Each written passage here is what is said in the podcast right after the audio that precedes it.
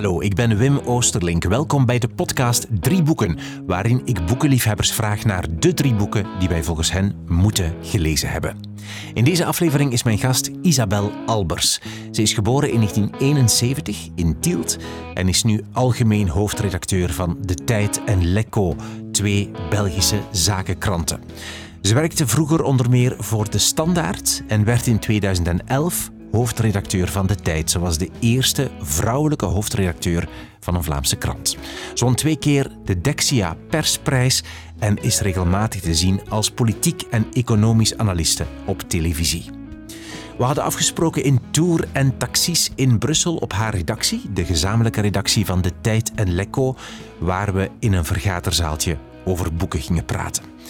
Ons gesprek gaat over haar leraar Nederlands in het middelbaar in Tielt, over waar haar journalistiek uit voortkomt, haar drang naar journalistiek ook, over machtsspellen in een literair werk en in de concrete realiteit. En ze geeft naast literaire ook haar economische boekentips. Neem even een kijkje in de show notes die horen bij deze aflevering. Daar vind je een volledige lijst van alle boeken en auteurs waarover we spreken. De show notes vind je op de website wimoosterlink.be onder het kopje podcast drie boeken. En dan nu veel luisterplezier met de drie boeken die je moet gelezen hebben, volgens Isabel Albers. Het was heel moeilijk om te kiezen. Ik ben nogal een lezer. Ooit meer dan nu, maar ik heb uh, stapels boeken, een paar in boekendozen en een paar rekken vol. En dan moet je er drie uitkiezen. Zijn... Maar ga ik dan drie economische boeken kiezen? De meeste mensen kennen mij van economie en politiek, mm. waar ik uiteraard ook veel over lees. Of toch misschien mijn eerste liefde, de literatuur. Ik heb toch gekozen voor de eerste liefde, de literatuur. Omdat je vroeg naar welke boeken heb je gevormd en van welke boekje zou je willen dat mensen ze echt lezen. Ja, als puntje bij paaltje komt, zegt literatuur misschien meest van al over de mensen en soms ook over economie en politiek. Hmm, ik ben benieuwd wat er, wat er komt. Maar wat zei je van in dozen? Ben je aan het verhuizen of wat is de situatie thuis dan? We zitten nu op de redactie van uh, De Tijd en Lekko. Wat, wat hoe is de situatie thuis? Um, uh, thuis is alles prima, uh, maar ik heb een um, boekenrek in de living, ook in de bureau. Die zijn we een beetje aan het herinrichten. En er zijn ook wel wat stielmannen aan een verbouwing bezig. Voor een podcast met niet te veel achtergrondlawaai was dat niet de aangewezen setting. Dus we hebben toch maar op de redactie afgesproken. Ja, dat is goed. En dus je, je, je zegt, ik las vroeger veel, maar nu minder. En wanneer lees je zo? Wanneer lees je wel nog? Ja, ik lees ontzettend veel, maar ik lees heel veel ja, nieuws. Uh, via social media lees je ook heel veel interessante artikelen.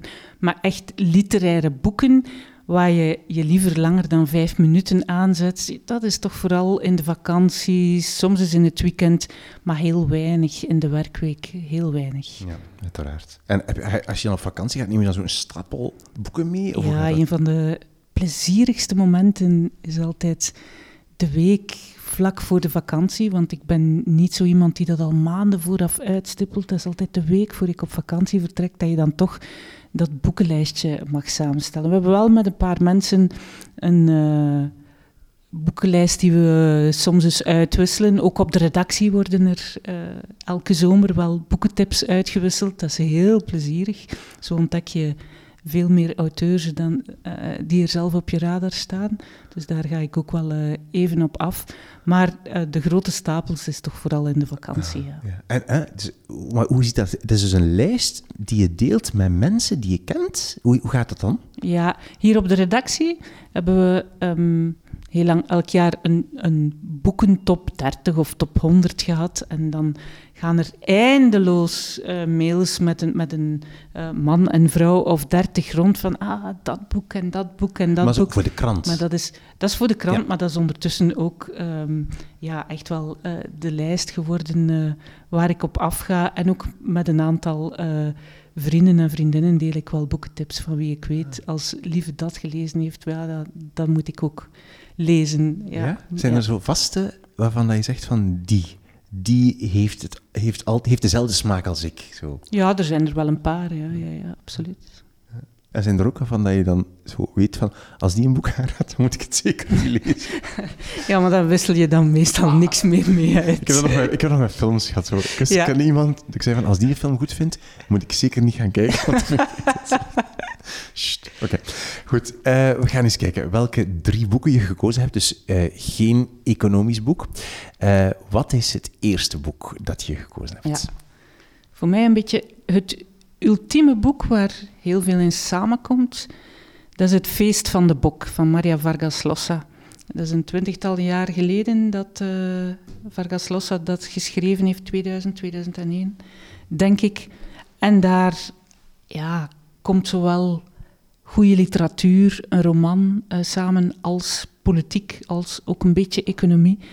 En dat was voor mij een ja, fantastische leeservaring. Ik was er ook ondersteboven van. Er komen verschillende verhalen samen. Maar het zegt ook heel veel over politiek, over het machtsdenken, over ja, het dictatoriale in bepaalde regimes, maar ook dictatoriale mechanismen in ja, machtsdenken van elke dag. En als je dat boek gelezen hebt en je zit in bepaalde vergaderingen of je kijkt naar bepaalde bedrijven of uh, bepaalde dingen die in de politiek gebeuren, dan herken je soms van die dingen. En dat is, ja, dat is soms wel een beetje ja, angstwekkend. Maar Vargas Llosa is een ongelooflijk boeiende schrijver. Ik heb er best veel van gelezen. En ook bij hem komen verschillende werelden samen die mij ook heel hard boeien. Hij, is schrijver, is journalist geweest. Hij is ooit uh, presidentskandidaat geweest uh, in Peru, dus politiek ligt hem ook heel na aan het hart. En heeft niet alleen literatuur geschreven, hè, dus ook journalistieke werken, maar ook traktaten over politiek en vrijheid. Heel interessant, uh, het liberalisme, om dat ook te lezen. Maar als ik dan toch moet kiezen, dan verkies ik toch de literatuur. Hij heeft ook een paar mindere werken geschreven. Nu onlangs heeft hij een nieuw boek uitgebracht, Bittere Tijden. Dat heb ik ook uitgelezen. En dat is weer een voltreffer. Want ik was uh, voor jouw podcast nog aan het twijfelen. Moet ik dan niet Bittere Tijden nemen? Want dat is dan een leuke woordspeling naar mijn favoriete krant, De Tijd. Maar mm, als puntje bij paaltje komt, is dit toch voor mij meer het ultieme boek. Um... Zeg, waar, vertel eens iets waar, waarover het ongeveer gaat. Kan je daar iets van zeggen? Ja, het gaat over een vrouw, Urania Cabral, die terugkeert naar de Dominicaanse Republiek nadat ze een jaar of dertig in de Verenigde Staten is verbleven. En beetje bij beetje kom je te weten wat eigenlijk het verhaal van haar jeugd was. Um, die verhaallijn loopt naast de andere lijn van een dictator in de Dominicaanse Republiek, Rafael Trujillo. En je ziet naarmate het boek vordert hoe die twee verhaallijnen op een gruwelijke wijze in elkaar overlopen. Ik ga het niet allemaal uh, verklappen. Um, en dan heb je eigenlijk nog een derde verhaal. Dat is hoe er um, een aanslag beraamd wordt op die Trujillo. En dat komt allemaal samen. Maar het gaat eigenlijk vooral over ja, de slechtheid in de mens ook. Over hoe bepaalde mensen die niet goed of slecht zijn, maar bepaalde zeg maar, querulanten van de macht, hoe zij zodanig in dictatoriale regimes en in machtsdenken meegesleurd worden dat ze op den duur ja, hun eigen bloed, en dat mag je vrij letterlijk nemen, gaan opofferen en hun eigen kinderen gaan opofferen. En het is die psychologische laag die dat boek zo meesterlijk maakt. En als je dan zegt, ik zit soms in een vergadering en ik, ik zie dan een aspect gebeuren van wat er in het boek staat. Hè. Kan je dat zo, kan je concreet, een keer, moet, niet, moet niet echt, je moet geen namen noemen. Hè. maar zo, wat voor soort dingen, hoe moet ik me dat voorstellen? Ja, iets wat uh, het feest van de boek heel mooi beschrijft, dat is hoe een dictator divide et impera doet. En hoe hij op een bepaalde manier mensen te vriend houdt, die daar dan ook alles voor doet, maar hoe je van de ene dag op de andere plots in ongenade kan vallen. En hoe het je niet altijd duidelijk is waarom en wat er dan gebeurt. Wel, dat, dat zie je soms in bedrijven of in politiek. Uh, dat zie je echt soms. En uh, ja, is, dat is mooi om dat vast te stellen.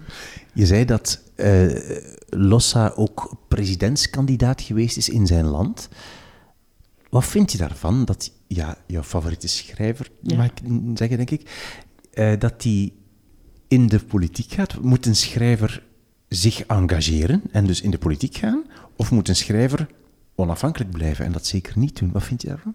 Um, een, een, journalist hoort altijd onafhankelijk te blijven, maar um, dat is nog iets anders dan zich engageren. De leuze een journalist zonder engagement is een triestige vent. Het kwam uit een andere tijdspanne van Hugo de Ridder. Uh, gelukkig zijn er ondertussen ook vrouwenjournalisten met engagement. Um, ja, natuurlijk moet je je onafhankelijk opstellen. Kan het nooit partijpolitiek zijn, maar dat betekent niet dat je geen engagement uh, kan hebben. Voor een schrijver uh, vind ik dat anders. Een schrijver vertelt een verhaal. Hij, hij is een steengoede romanschrijver. En zijn uh, politieke loopbaan, die staat daar voor mij op het moment dat ik dat boek lees, los van. Dan denk ik niet aan um, de, de, de man die ook presidentskandidaat is geweest, maar dan lees ik echt het verhaal. Ja. Hoe ben je ooit op dit boek gekomen? Heeft iemand jou ooit gezegd, dit is voor jou, dit moet jij lezen? Uh, niet specifiek voor mij, maar er hangt wel een anekdote aan vast. Um, toen ik uh, mijn journalistieke carrière begonnen ben, op de standaard ben ik eerst een tijd lang uh, voor de economie-redactie gaan werken. Mediabedrijven, overheidsbedrijven, gevolgd telecom, heel interessante wereld. Maar ik droomde toch ook wel van die politiek. En vooral wat ik heel interessant vind, is het snijvlak tussen economie en bedrijven en politiek. En dat is eigenlijk al 20, 25 jaar um, het domein wat ik het interessantste vind om te volgen. Dat je niet in één hokje specialiseert, maar dat verschillende werelden samenkomen, de politiek en de economie. Dus um, begin jaren 2000 uh, eh, mocht ik de overstap maken dan naar de politieke redactie. Uh, dat was, ja, um, denk 2002. Dus in de jaren van uh, Verhofstadt, Paars. en dan waren wel een aantal politici die dat boek de naam van dat boek lieten vallen. Uh, Verhofstadt was daarbij, Patrick Janssens was daar later ook bij. Dus het is wel een tijdje in de wedstrijd een van de boeken geweest die ook wel werden gelezen. Dus ik dacht, ja, ik moet dat ook lezen. Ik had van uh, Vargas Llosa wel al uh, eerdere werken gelezen, dus ik wist wel dat het een goed schrijver was. Um, maar het was een, ja, het was toch wel een bijzondere ervaring. Ik geef het boek ook vaak cadeau aan mensen um, ja, dat je een beetje kent en, en, en die je apprecieert en, en dat je zegt van kijk, um, ik wil het toch een iets persoonlijker touch geven van bedrijven of, of, of in de politiek of collega's of uh, vrienden of zo. Uh, en, en heel vaak um, vinden ze het ook wel zeer goed. Ik heb ook ondertussen de Franstalige versie La Fête au Boek. Als ik collega's van l'ECO of uh, uh, Franstalige politici een boek wil geven, het uh, is ook in zoveel talen vertaald, dan doe ik het zo. Ja. Heeft Frederik de Laplace het uitgelezen? Want ik weet dat je het aan hem gegeven hebt. Ja, hij heeft daar ook uh, ooit over verteld in de radio-uitzending. Ik heb het ooit uh, ook aan hem uh, verteld. Hij heeft het zeker uitgelezen, want we wisselden ook soms wel eens sms'en over het een of andere. om te zeggen van, zie je, dat was het feest van de boek. ja, ja. Oké, jouw eerste boek, Vargas Llosa, met het feest van de bok.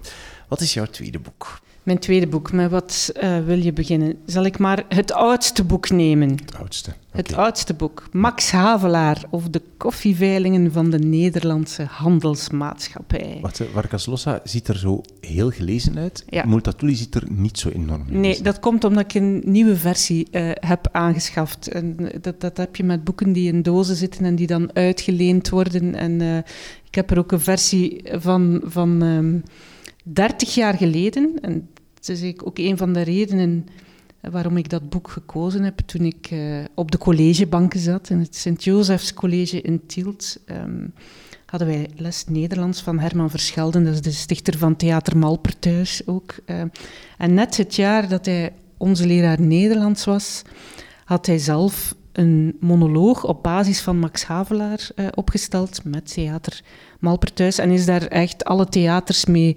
rondgetrokken. En dat was de roeping van de mens. Het was eigenlijk een monoloog als Max Havelaar, als Douwes Dekker. En dat was... Uh, ja, dat was... Ik herinner mij dat, helaas ehm, heb ik het uh, niet op tape of zo. Ik herinner mij dat als een, als een fantastisch... Die man kon meesterlijk vertellen en kon ons ook zo warm maken voor literatuur. Want eigenlijk, Max Havelaar, ja, dat is best uh, moeilijke stuf om je doorheen te worstelen. Hè? Maar die kon je dan toch zo enthousiast maken voor de hoofden van Lebak en de toespraak van de hoofden van Lebak, dat je daar helemaal in meegaat. En dan later aan de universiteit in Germaanse hebben we dat allemaal ontleed, waar soms wel een beetje leesplezier aan verloren gaat, maar dan zie je ook hoe meesterlijk het wel in elkaar gezet is. Het boek is ook uh, in Nederland zelf verkozen tot uh, Nederlands beste boek. Dat was als, als uh, het 150 jaar oud was, denk ik. Uh, dus het heeft um, best wel wat sterren uh, achter de naam. Maar Max Havelaar is ook interessant als je het dan uh, met latere ogen bekijkt. En als ik het dan ook journalistiek bekijk. Um, Douwes Dekker, um, die gruwelde ervan om het als een roman te zien. Het is geen roman, het is een aanklacht. Het is indignez-vous. En dat vind ik ook wel belangrijk bij het Feest van een Bok. Vind je dat ook? Bij Max Havelaar vind je dat ook? Ik vind dat ook terug in de journalistiek. Voor mij is dat ook belangrijk in mijn werk. Indignez-vous. Dat de oorsprong van iedere goede journalistiek is toch wel verontwaardiging. Verwondering, maar ook verontwaardiging. En dat vind je hier ook in terug. Want die hoofden vallen bak, als je daar een beetje een moderne versie van maakt ja, dat is een, een geweldig geschreven redenvoering, maar dat is inderdaad een aanklacht van A tot Z over de uitbuiting van die arme Javanen.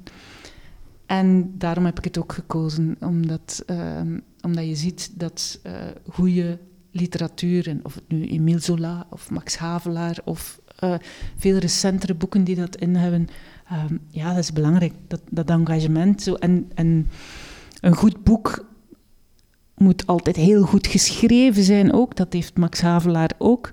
Um, maar die indignez-vous, dat is voor mij toch ook wel echt een drijfveer. Ja. Um, ook in de journalistiek. Nog even terug naar Herman Verschelden, jouw leraar ja. in Tielt op school. In Tielt. Dus dat was jouw leraar Nederlands. Ja. Hij, was, hij was acteur ook. En dus hij heeft Multatuli aangebracht vooral op school of vooral in theater? Vooral in theater. Maar wat zie je dan gebeuren? Een klas uh, 14, 15-jarigen die daar in de provinciale West-Vlaamse klei zit en die dan hoort, wow, onze leraar die gaat uh, naar Amsterdam een theatervoorstelling gaan spelen. En dan, ja, dan nam hij ons wel eens mee naar, dat was een keldertheater helemaal per thuis. En uh, dan heeft hij ook wel eens een opvoering uh, voor ons gedaan.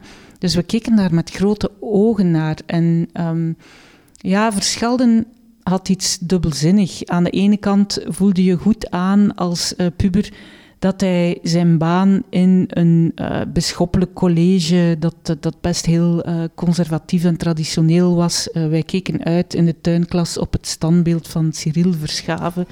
Dat hij, daar, dat hij daar zelf um, best wel Sorry. moeilijk mee had. Nu dus bij de show notes staat nu dan dus Cyril Verschaven. Dat is de eerste keer in deze podcast, proficiat. maar goed, ik heb je onderbroken, zeg maar. Ja, ja dat, hij daar, dat hij daar last mee had. Of, ja, dat, ja, dat ja. Hij er, je, je voelde dat hij... Um, ja, misschien niet altijd als het summum van zijn leven zag dat hij voor een bende 14-jarige pubers die niet altijd zo in literatuur geïnteresseerd was, moest gaan staan. Maar er zaten er toch een aantal bij die je dan uh, wist uh, los te wrikken. En Herman Verschelden is voor mij zeker iemand geweest die um, ja, het adagium van plus est en vous en die, die liefde voor literatuur en schrijven en uh, het gesproken woord ook, die dat is gaan ontwikkelen. En, en dat is wel geweldig als je er uh, meer dan dertig jaar later op terugkijkt, dan zie je van ja, dat zijn misschien die mensen die, zonder het toen te beseffen, wel een invloed gehad hebben op de weg die je later bent uitgeslagen, ja, ja. ingeslagen. Ook, ook van, de, van de klei, want je zei van uh, Tielt in tegenstelling tot het verre Amsterdam. Ja. Ook daar, zit, daar, zit daar ook iets? Of? Ja, absoluut. Hè. Um, uh, Tielt uh, was, is misschien, hoewel, was een, was een provincienest. je bent 14, 15 jaar en dan um, ja, leer je de wereld ontdekken via zulke mensen ehm, ja, via Theater Malperthuis en via dan uh, zijn werking in het Gild of Tielt um, heb ik Tsjechov leren kennen, De Meeuw, uh, fantastische voorstelling, maar ook Beckett. Maar ook, dat was een heel andere wereld, ook heel andere schrijvers dan um, waar we voordien al contact mee hadden gehad. Uh, ja, dat nu ook weer niet. maar goed. Ja, oké. Okay. en Um, hoe was het? In, wanneer ben je beginnen lezen? Want je, we hebben het over Tielt, je bent opgegroeid in Tielt. Um, hoe, hoe, was het thuis? Waren er thuis eigenlijk boeken? Um, mijn mijn uh, ouders waren zeker uh, niet zo'n uh, lezer, maar wat ik van... ja, wat ook wel achteraf gezien belangrijk is geweest, wat mijn mama wel deed, was eerst uh, mij elke week uh, naar de bibliotheek, de boekerij heette dat toen, uh, in Wingenen gevoerd, waar ik heel de jeugdbibliotheek uitgelezen had en vervolgens in Tielt ook nog eens heel die jeugdbibliotheek uitgelezen had. Dus we werden wel gestimuleerd op een bepaalde manier. Ik was wel vaak te vinden in een hoekje met een boekje. Um, ja, de klassiekers, hè, de, de, de, grote verhalen, de Thea Beckmans, de, de, de kruistocht in Spijkerbroek, de, de, de, ja, de momenten die, die ik mij herinner als uh, fantastische leesuren, dat je je kon opsluiten uh, in een verhaal en de hele wereld rond je telde niets meer mee. Mm -hmm. Ja, ja, dat zat er al heel vroeg in. En dan heb je Germaanse gedaan. En Germaanse in Leuven, ook, ook wel voor een stuk uit liefde voor de literatuur, maar toch vooral ook um, ja, met het uh, idee... Uh, schrijven zat wel in mijn hoofd, journalistiek ook. Er waren in die tijd nog niet echt volwaardige journalistieke opleidingen. En ja, pers- en communicatiewetenschappen, dat kon misschien toch wel, maar die literatuur in Germaanse, um, ja, dat trok mij toch ook aan. Dus het werd dat. Um. Ja, oké. Okay. En later uh, dan aangevuld door economie. En economie en politiek is dan een groot deel van mijn professionele leven geworden. Maar in mijn vrije tijd dan uh, lees ik nog altijd heel erg graag goede literatuur. Ja. Je zegt dat uh, jouw moeder je naar de bibliotheek voerde. Je hebt zelf ook kinderen. Ja. Twee jongens, Twee jongens. 16 en 19. ja. Oké, okay, en heb je die ook proberen ergens stuwen richting lezen? Of, uh... Ik heb die zeker proberen stuwen richting lezen. En um, aanvankelijk liep dat heel vlot, want alle twee eigenlijk hebben ze uh, al heel snel en heel graag de volledige reeks van Harry Potter. Um, dus ben dat ook door hen dan gaan lezen. Dat is ook echt wel goed geschreven. En uh, ja, ze hebben dat gelezen, herlezen, ze hebben dat gespeeld. Um, ze hebben al die films gezien, um, dus dat wel. Um, maar je ziet wel, naarmate ze ouder worden, hoe uh, de beeldcultuur en hoe de smartphone en alle andere devices toch dat lezen uh, voor een groot stuk gaan innemen. Eén boek, wat ik er wat niet in mijn top 3 beland is, maar wat ik er toch heel even graag zou bijhalen. Um, dat is Post voor mevrouw Bromley van Stefan Brijs. Stefan Brijs, voor mij ook een fantastisch auteur, hè, de Engelenmaker en, en anderen, um, die misschien ten onrechte niet helemaal dezelfde erkenning heeft als um, uh, een Tom Lanois of als een Hertmans. Uh, hij staat voor mij toch wel op dezelfde hoogte. Maar het leuke aan Post voor mevrouw Bromley, ook wel een gruwelijk boek, ziet, is het is ook gelezen en herlezen en nog eens herlezen, is dat um, ik heb dat ook aan mijn zonen gegeven en alle twee hebben ze dat meteen uitgelezen, hoewel ze in een, als ze een jaar of vijftien waren, alle twee. Uh, een periode waarin het best moeilijk is uh, om uh, jongens te verleiden met literatuur. ook omdat het zo'n goed geschreven verhaal is, het verhalend element, maar het is ook echt wel goede literatuur over de Eerste Wereldoorlog. Over een jongen die amper ouder was dan, dan, dan de leeftijd die zij hadden. En um, ja, dan voel je toch ook wel connectie met je jongens doorheen de literatuur. Ja.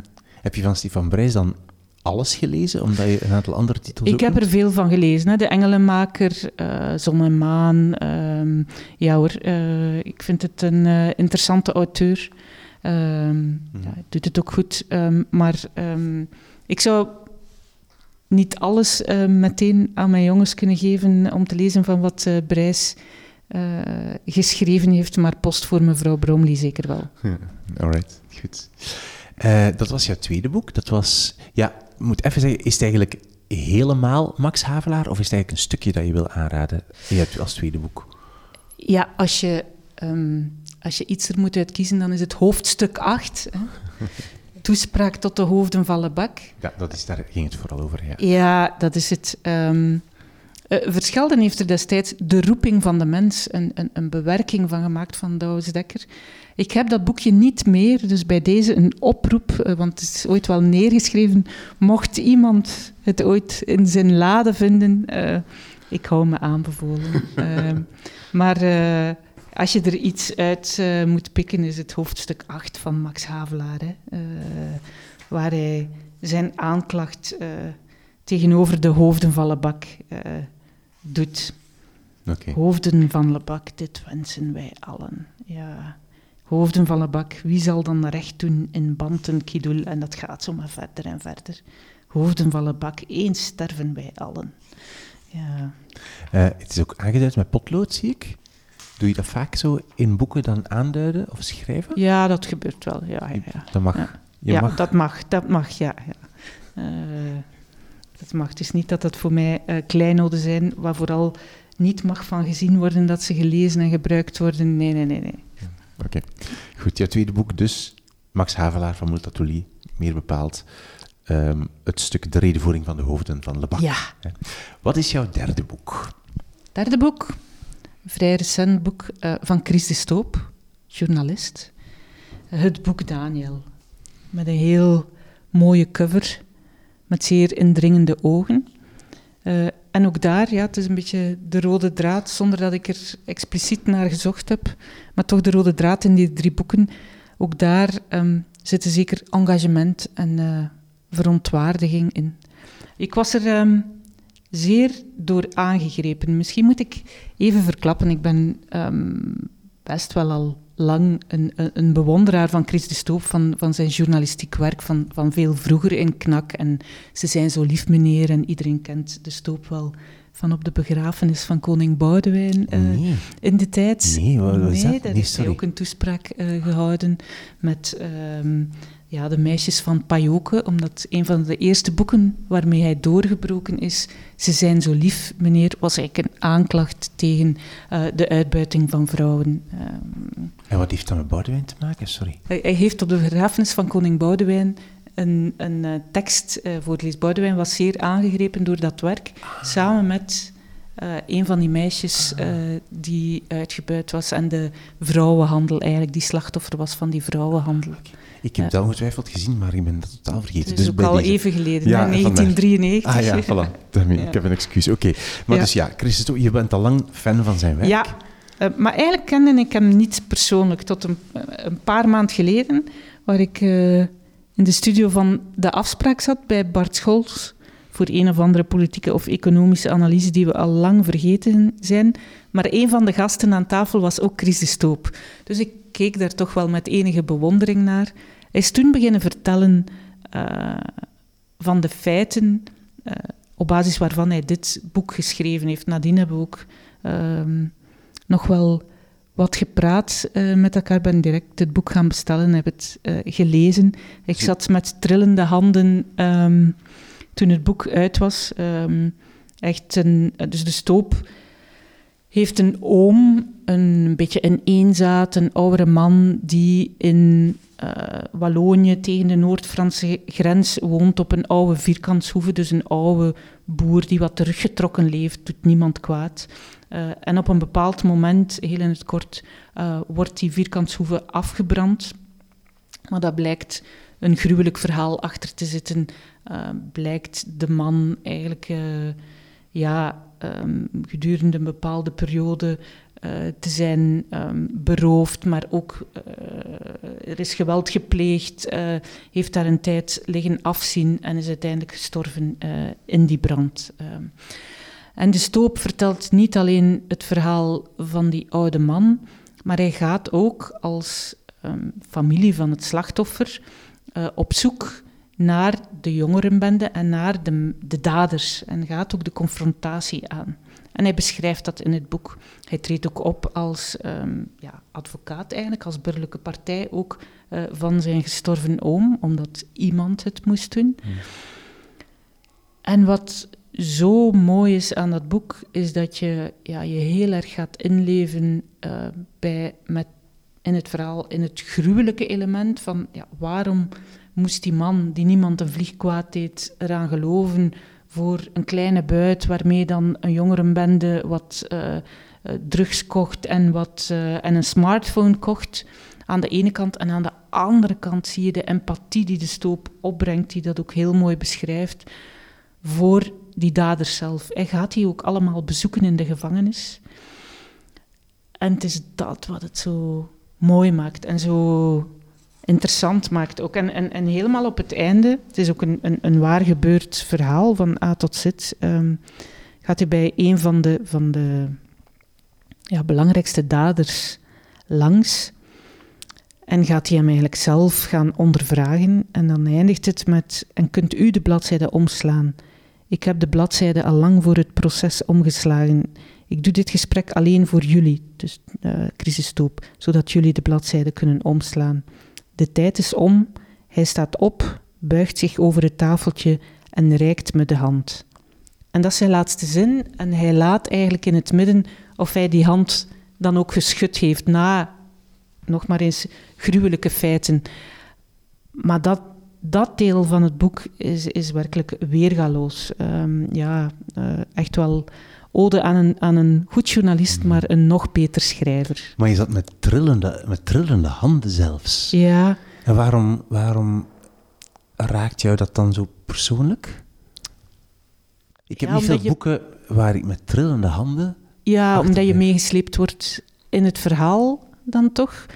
Misschien ook omdat ik het hem zelf heb horen vertellen hoe hij het echt beleefd heeft. Um, omdat je bij elke bladzijde uh, die je leest weet van, verdorie, dat is hier geen verzonnen verhaal in het hoofd van een schrijver. Dit is gewoon allemaal heel echt gebeurd. Ja, de combinatie van die twee maakt wel dat het uh, toch bijzonder aangrijpend is. Ja. Je zei dat je het werk van Chris de Stoop al bewonderde. Wat is er gebeurd toen Allee, toen, toen dat je dat las in het begin, uh, zijn, zijn eerste werk, sprak jou dat aan omdat het zo goede journalistiek ja, dan, is? dan bedoel ik eigenlijk vooral zijn, zijn journalistieke onderzoekswerk uh, die je voor KNAK deed. Um, uh, we zijn met de tijd ook met een aantal onderzoeksjournalisten, denk ik, um, op een aantal terreinen zeer goed actief. Maar de stoop was in mijn herinnering paar decennia geleden zo echt wel een baanbreker voor uh, ja, onderzoek naar uh, bijvoorbeeld Ze zijn zo lief meneer uh, en nog best wel wat andere onderwerpen. Hij heeft ook heel mooi de teleurgang van de landbouw beschreven, ook in zijn boek. Ehm, is ook zelf dan op een boerderij gaan wonen van de familie en zo. Het is een, een heel ja, gevoelige man en je, je voelt ja, dat gevoel in dat boek voel je ook heel hard uh, in elke bladzijde eigenlijk. Uh, ja, hoe een, een, bejaarde boer um, toch heel veel ontroering kan opwekken, daar moet je goed voor kunnen schrijven, denk ik. En hoe was het dan om hem te ontmoeten? Want ja, het was dan een beetje, het was een, beetje een journalistiek idool, als ik je zo hoor vertellen. Hoe heb je hem dat ook gezegd? Of? Ik heb hem dat, denk ik, um, ja, uh, tussen twee zinnen door wel laten blijken, ja. Ja. Oké, goed. Uh, heeft Christostoop jou beïnvloed voor jouw werk?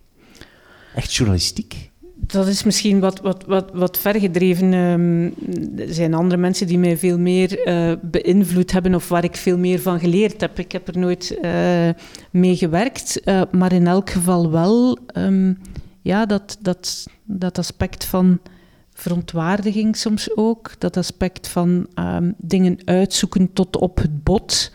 Er wordt heel veel gemakkelijke journalistiek gepleegd. Hè. Er wordt uh, uh, ja, soms onder, met het excuus van het moet allemaal snel gaan. En ja, het moet vaak snel gaan, maar niet allemaal. Soms is het ook een beetje een makkelijkheidscultuur uh, die we hebben. En, dan, en daar ben ik wel fier op eh, bij Tijd en Leco ook, dat we wel echt proberen de tijd en de ruimte te nemen om niet alles te doen, om, om echt te kiezen van dat en dat onderwerp, daarvoor moet je de tijd dan gewoon niet lezen. Maar voor een paar onderwerpen gaan we echt proberen dieper graven en gaan we echt proberen ehm, op doorgaan. En, en dat is voor mij echt de journalistiek. Mhm. Ehm, je zei daar straks net ook van dat goede journalistiek vertrekt van verontwaardiging. Hè? Maar ik zoek zo nog in mijn hoofd hoe dat, dat dan matcht met een krant als De Tijd of Lekko, wat een, een economisch-financiële krant is. Hè?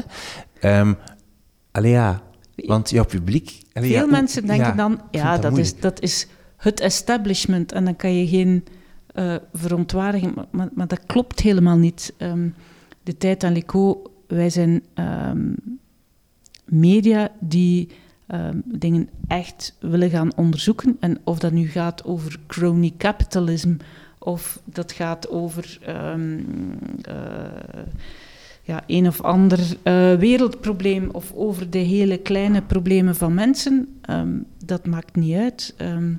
ik denk dat uh, Tijd en Leco veel te vaak zomaar uh, gelijkgesteld worden met is gelijk aan uh, het establishment. Nee, wij zijn natuurlijk wel media die um, willen dat het vooruit gaat. Die, een, media voor ondernemende geesten. En dat zijn ondernemers, maar dat zijn ook ja, mensen die met een zekere, uh, ja, een, een, zekere levensfilosofie in het leven staan van zoeken naar oplossingen en zoeken naar ehm, wat het probleem ook is, naar technologie, naar, naar, naar, naar, naar business, maar naar oplossingen voor problemen. Dat alleszins wel. Maar je kan ook verontwaardigd zijn over, ik zeg maar iets, over het feit dat wij uh, hier in een land leven waar de staat uh, zich met zoveel dingen bezighoudt waar ze zich niet zou mee moeten bezighouden, maar ondertussen haar kerntaken niet goed doet. Dat is ook verontwaardiging. En dat proberen we ook in uh, Tijd te doen. -hmm. Oké. Je hebt geen economisch boek gekozen, maar als je toch iets zou moeten voorstellen aan ons, ja. wat zou je dan voorstellen? Wat, zou je dan, wat, wat moeten we lezen dan? Goh, er zijn wel een paar uh, economische boeken die ik zou willen aanraden, gaande van de, de klassieker The Big Short hè, van uh, Lewis, over hoe zo'n financiële crisis en bankierscrisis toch is kunnen ontstaan. Um, over um, ja, onze eigenste Geert Noels met zijn gigantisme, heel verfrissend wel. Um, een boek waar ik nu in bezig ben is ook heel interessant, Mission Economy, A Moonshot Guide to Changing Capitalism. Oh, dat, van, dat, is hier het boek dat hier bij ons ligt. Ja, van Mariana Mazzucato. Uh, en Mazzucato, ik heb haar in 2017 ontmoet is een uh, econoom, een Italiaanse econoom. En het is een furie. Ze is ook zeer wel bespraakt. Uh, een furie als ze, als, ze, als ze haar punt wil maken. Uh, zeer wel bespraakt. en zij verdedigt het punt dat de staat eigenlijk een veel grotere rol in de economie zou moeten innemen in plaats van een kleinere. Het ruist een beetje in tegen wat altijd zo gemakshalve genoemd wordt, de neoliberale economen. En als het woordje neo daar dan al voorgezet wordt, dan uh, boer pas op je ganzen. Uh, dus ze uh, schopt tegen een aantal heilige huisjes. Ik ben het absoluut uh, niet met alles eens uh, wat ze zegt, maar het doet je wel nadenken. Dat vind ik ook altijd heel interessant in boeken, dat je niet zomaar bevestigd wordt in je denkbeelden, uh, maar dat je gechallenged wordt in je denken. En bij Mazzucato is dat zeker het geval. En nu, haar nieuwe boek, dus Mission Economy, gaat ook over die grotere rol van de overheid, maar echt om kapitalisme te veranderen naar een meer duurzaam kapitalisme, een ecologisch kapitalisme, toch wel het thema van deze tijd waar we allemaal zouden mee bezig moeten zijn. Zouden moeten. Ja, ja oké. Goed, dus ja, ik zet, het, ik zet het allemaal in de show notes. Waren er nog economische boeken? Ja, een, een heel interessant boek uh, van een, uh, vond ik ook. Uh, How Much is Enough? Van Robert Skedelsky van een paar jaar geleden. En dat is, zijn er limieten aan de groei? En uh, zowel macro-economisch als much is enough in ieders persoonlijke leven. Um, vrij toegankelijk geschreven, uh, maar zeer goed boek, ja. Oké, okay, goed. Dankjewel. Wil jij jouw drie boeken nog eens herhalen, alsjeblieft? Wat was jouw eerste boek? Wat was mijn eerste boek? Mijn eerste boek um, met stip Mario Vargas Llosa, Het feest van de bok. Uh, twee? Op twee staat Max Havelaar, 160 jaar oud alstublieft. Geschreven door Multatuli. En drie? En op drie staat moeilijke keuze, maar uiteindelijk toch Chris de Stoop met het boek Daniel. Dankjewel voor jouw keuze. Graag gedaan.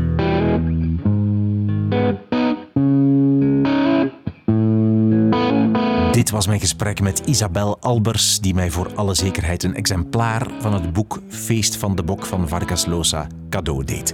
Alle info over de boeken en auteurs die je hoorde in deze podcast vind je op de website wimoosterling.be onder het kopje podcast drie boeken. Daar staan de show notes bij deze aflevering en bij alle andere afleveringen van deze podcast. Vergeet je niet te abonneren. Vergeet niet om um, drie boeken te volgen op Instagram. Drie underscore boeken. Drie boeken is altijd in letters geschreven.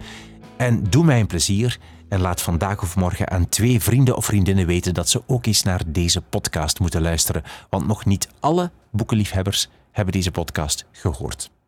Ik ben Wim Oosterlink. Dit is de podcast Drie Boeken. Dankjewel voor het luisteren en tot de volgende keer.